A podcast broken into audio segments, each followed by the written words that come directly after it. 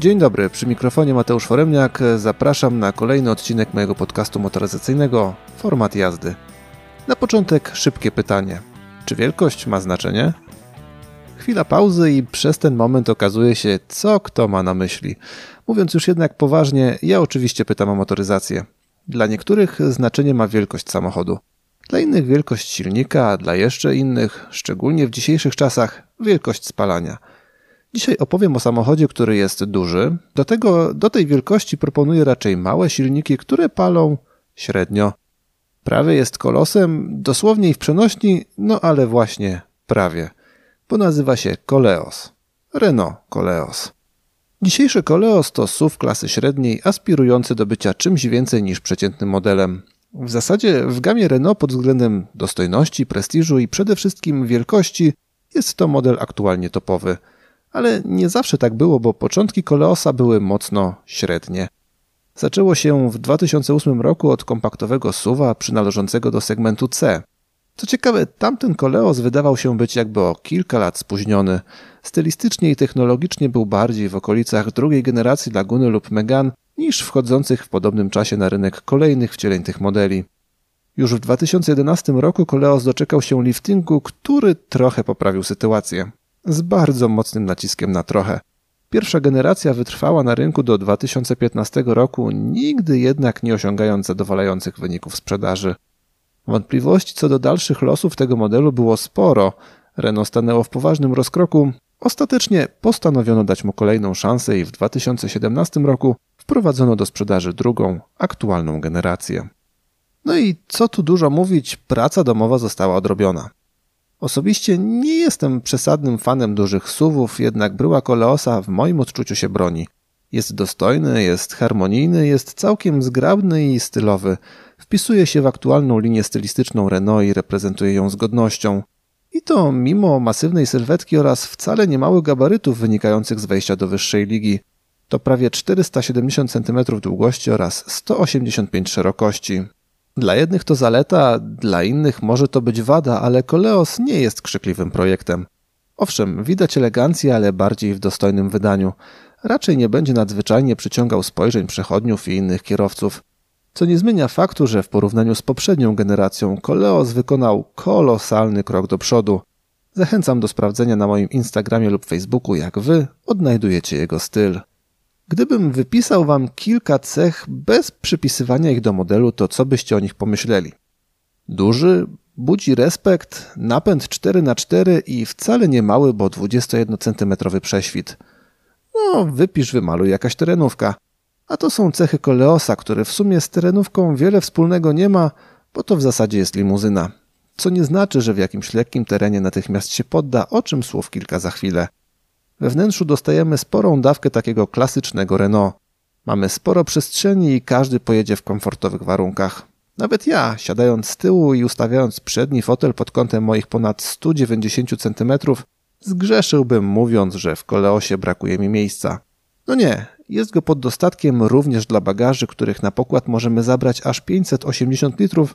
Warto jednak wypełniać tę przestrzeń mocno podzielonym bagażem, aby wyeliminować konieczność dźwigania wysoko dużych ciężarów. W trasie jako pasażerowie docenimy komfort zawieszenia oraz bardzo dobre wyciszenie wnętrza.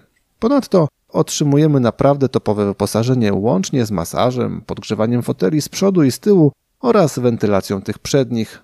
To tylko sama końcówka listy dodatków, aby nie tracić czasu na wymienianie wszystkiego. Wykończenie i spasowanie elementów stoi na bardzo wysokim poziomie. Bardzo podobały mi się fotele, na dłuższą trasę mogłyby być jednak nieco wygodniejsze. Muszę w tym miejscu wtrącić pewne ale. Choć w obydwu przypadkach mówię tu o bardzo wysokim poziomie, materiały użyte do wykończenia wnętrza robiły lepsze wrażenie w hybrydowym kapturze. Zaskakujące, biorąc pod uwagę różnice w klasie samochodów. Ogólnie wnętrze Koleosa jest przyjemne, eleganckie i niewątpliwie estetyczne, choć stonowane i minimalistyczne, bo dostajemy tu tylko spory ekran na środku i kilka najważniejszych przycisków wraz z pokrętłami do klimatyzacji. Prosto i ergonomicznie, choć system multimedialny najmocniej psuje obraz całości, ponieważ najzwyczajniej w świecie nie jest już pierwszej świeżości. Dojeżdżał w 2017 roku, jak Koleos wchodził na rynek, dzisiaj przydałaby mu się aktualizacja, bo w Zoe, Capturze i innych modelach marki wygląda to zwyczajnie lepiej i nowocześniej. Trochę szkoda, że Renault odpuściło ten temat, bo mają gotowce z innych modeli, a zaimplementowanie tego do Koleosa nie powinno być skomplikowaną i przesadnie kosztowną sprawą. Chociaż tyle dobrego, że sama obsługa jest bardzo prosta i przejrzysta, nawet przy pierwszym kontakcie nie powinniście mieć większych problemów z poradzeniem sobie z takim wyzwaniem. Fajnym szczegółem, wcale nie tak często spotykanym, jest lekkie zmatowienie ekranu, dzięki czemu nie widać śladów naszego macania po nim. Mała rzecz, a cieszy. Gdybyście chcieli poczuć radość i frajdę z prowadzenia, hmm, radzę poszukać innego auta. Koleos to samochód do spokojnej i dostojnej jazdy i pod takim kątem spisuje się bardzo dobrze z zastrzeżeniem dotyczącym układu hamulcowego. O ile gumowaty układ kierowniczy jestem w stanie wybaczyć, bo to samochód stworzony do płynięcia sobie po drodze, a nie rajdowych prób, o tyle podobna charakterystyka w odniesieniu do hamulców już do mnie nie trafia. Cały czas miałem wrażenie, że są one zwyczajnie za słabe, jak na wielkość i masę tego samochodu. I to w zwyczajnych, codziennych sytuacjach. Tym bardziej wolałbym nie znajdować się koleosem w tych awaryjnych. Unikaniu sytuacji awaryjnych na parkingach mają służyć czujniki parkowania i kamera cofania. Hm, te pierwsze wzięły sobie swoją rolę głęboko do serca, bo ostrzegają nas w odległościach iście kolosalnych od czekającej przeszkody. Chcąc stosować się do ich wskazań, stawialibyśmy samochód mniej więcej na środku drogi lub parkingu. Kamera cofania pomaga nam nieco przełamać opór czujników, jednak jej jakość pozostawia sporo do życzenia. Szkoda, bo podobnie jak system, nieco nie przystoi to do ogólnego charakteru Koleosa. Tym oto sposobem płynnie przejdę do sprawy, która w moim odczuciu najmocniej wpływa na odbiór tego samochodu i najsłabiej przystoi do jego charakteru. Koleos jako duży SUV z ekskluzywnym zacięciem oferuje małe i niezbyt ekskluzywne jednostki napędowe.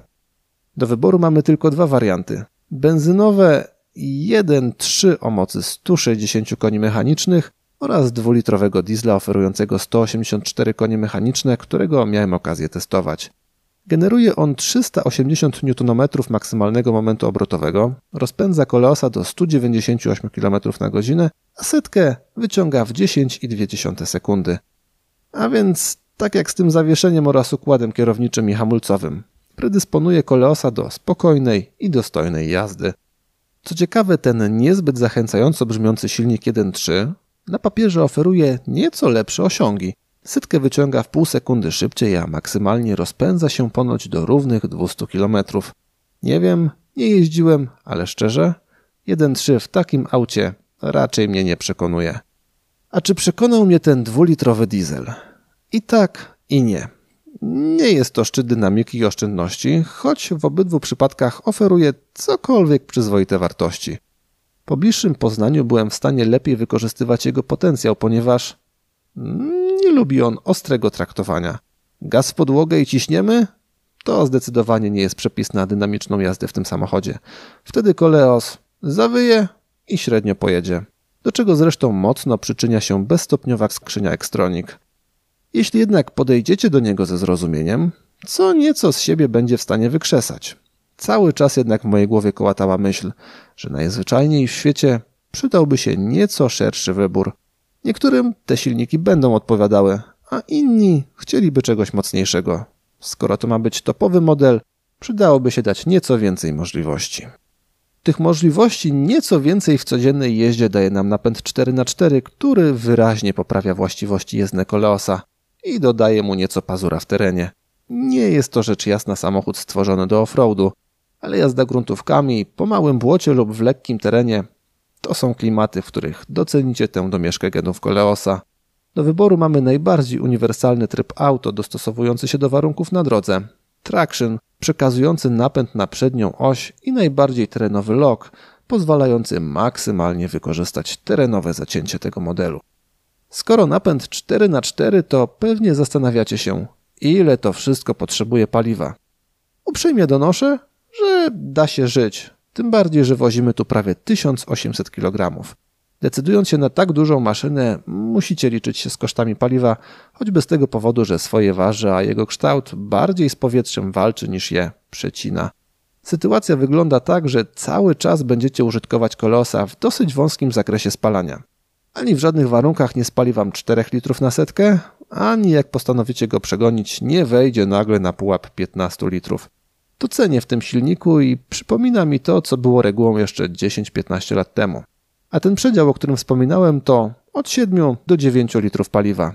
Dolna granica to trasa z prędkością do 120 km na godzinę, a więc jak na jazdę po eskach, całkiem całkiem. W mieście to było około 8 litrów na setkę, a autostrada to już spory wysiłek dla tego silnika, więc tu romansujemy już z dziewiątką. Nie przekroczyłem jednak nigdy 9,1 litra, częściej będąc w okolicach 8,7. Kończąc wątek napędu, wrzucę jeszcze tylko dwa kamyczki do ogródka Koleosa. Pierwszy to tempomat, który działa dopiero od 50 km na godzinę. Standardem jest 30, a zdarzają się auta, które potrafią utrzymać jeszcze niższe prędkości. 50 km jest mało praktyczne, chociaż tyle, że mamy zabezpieczony przepisowy pułap w mieście. Drugim kamyczkiem jest umieszczenie trybu P na skrzyni biegów. Znajduje się on na górnym skraju, co nie jest jeszcze aż tak dużym problemem samym w sobie, choć rozwiązanie z przyciskiem wydaje mi się bardziej praktyczne. Problemem jest to, że mamy tutaj bardzo krótki skok pomiędzy trybem parkingowym a biegiem wstecznym. Co za tym idzie, bardzo łatwo jest się zaparkować, kiedy chcemy wycofać. No i właśnie, w niedługim czasie wycofać z rynku Koleosa ma zamiar Renault. Według najnowszych zapowiedzi jego kariera ma dobiec końca już w przyszłym roku. Jeśli mam być szczery, obcując tym samochodem, miałem poczucie, że Renault postawiło już na nim krzyżyk.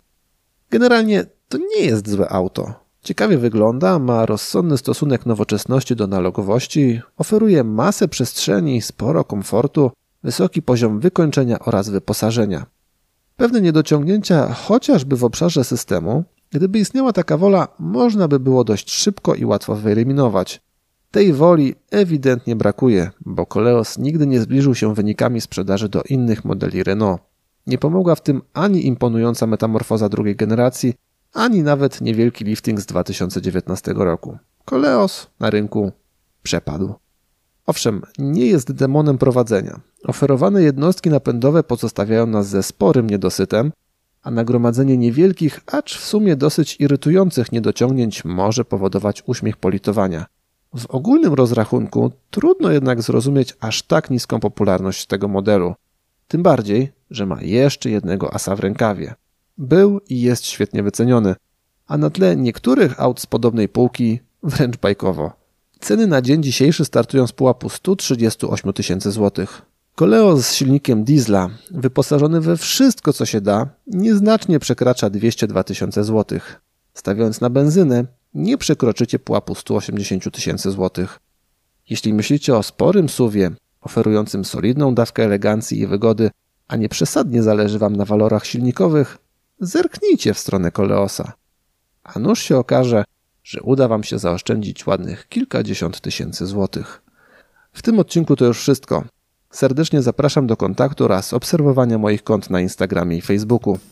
A już wkrótce opowiem Wam, jak radzi sobie pierwszy pełnoprawny elektryk rodem z Czech, a więc Skoda Enyaq iV. Zapraszam serdecznie i do usłyszenia.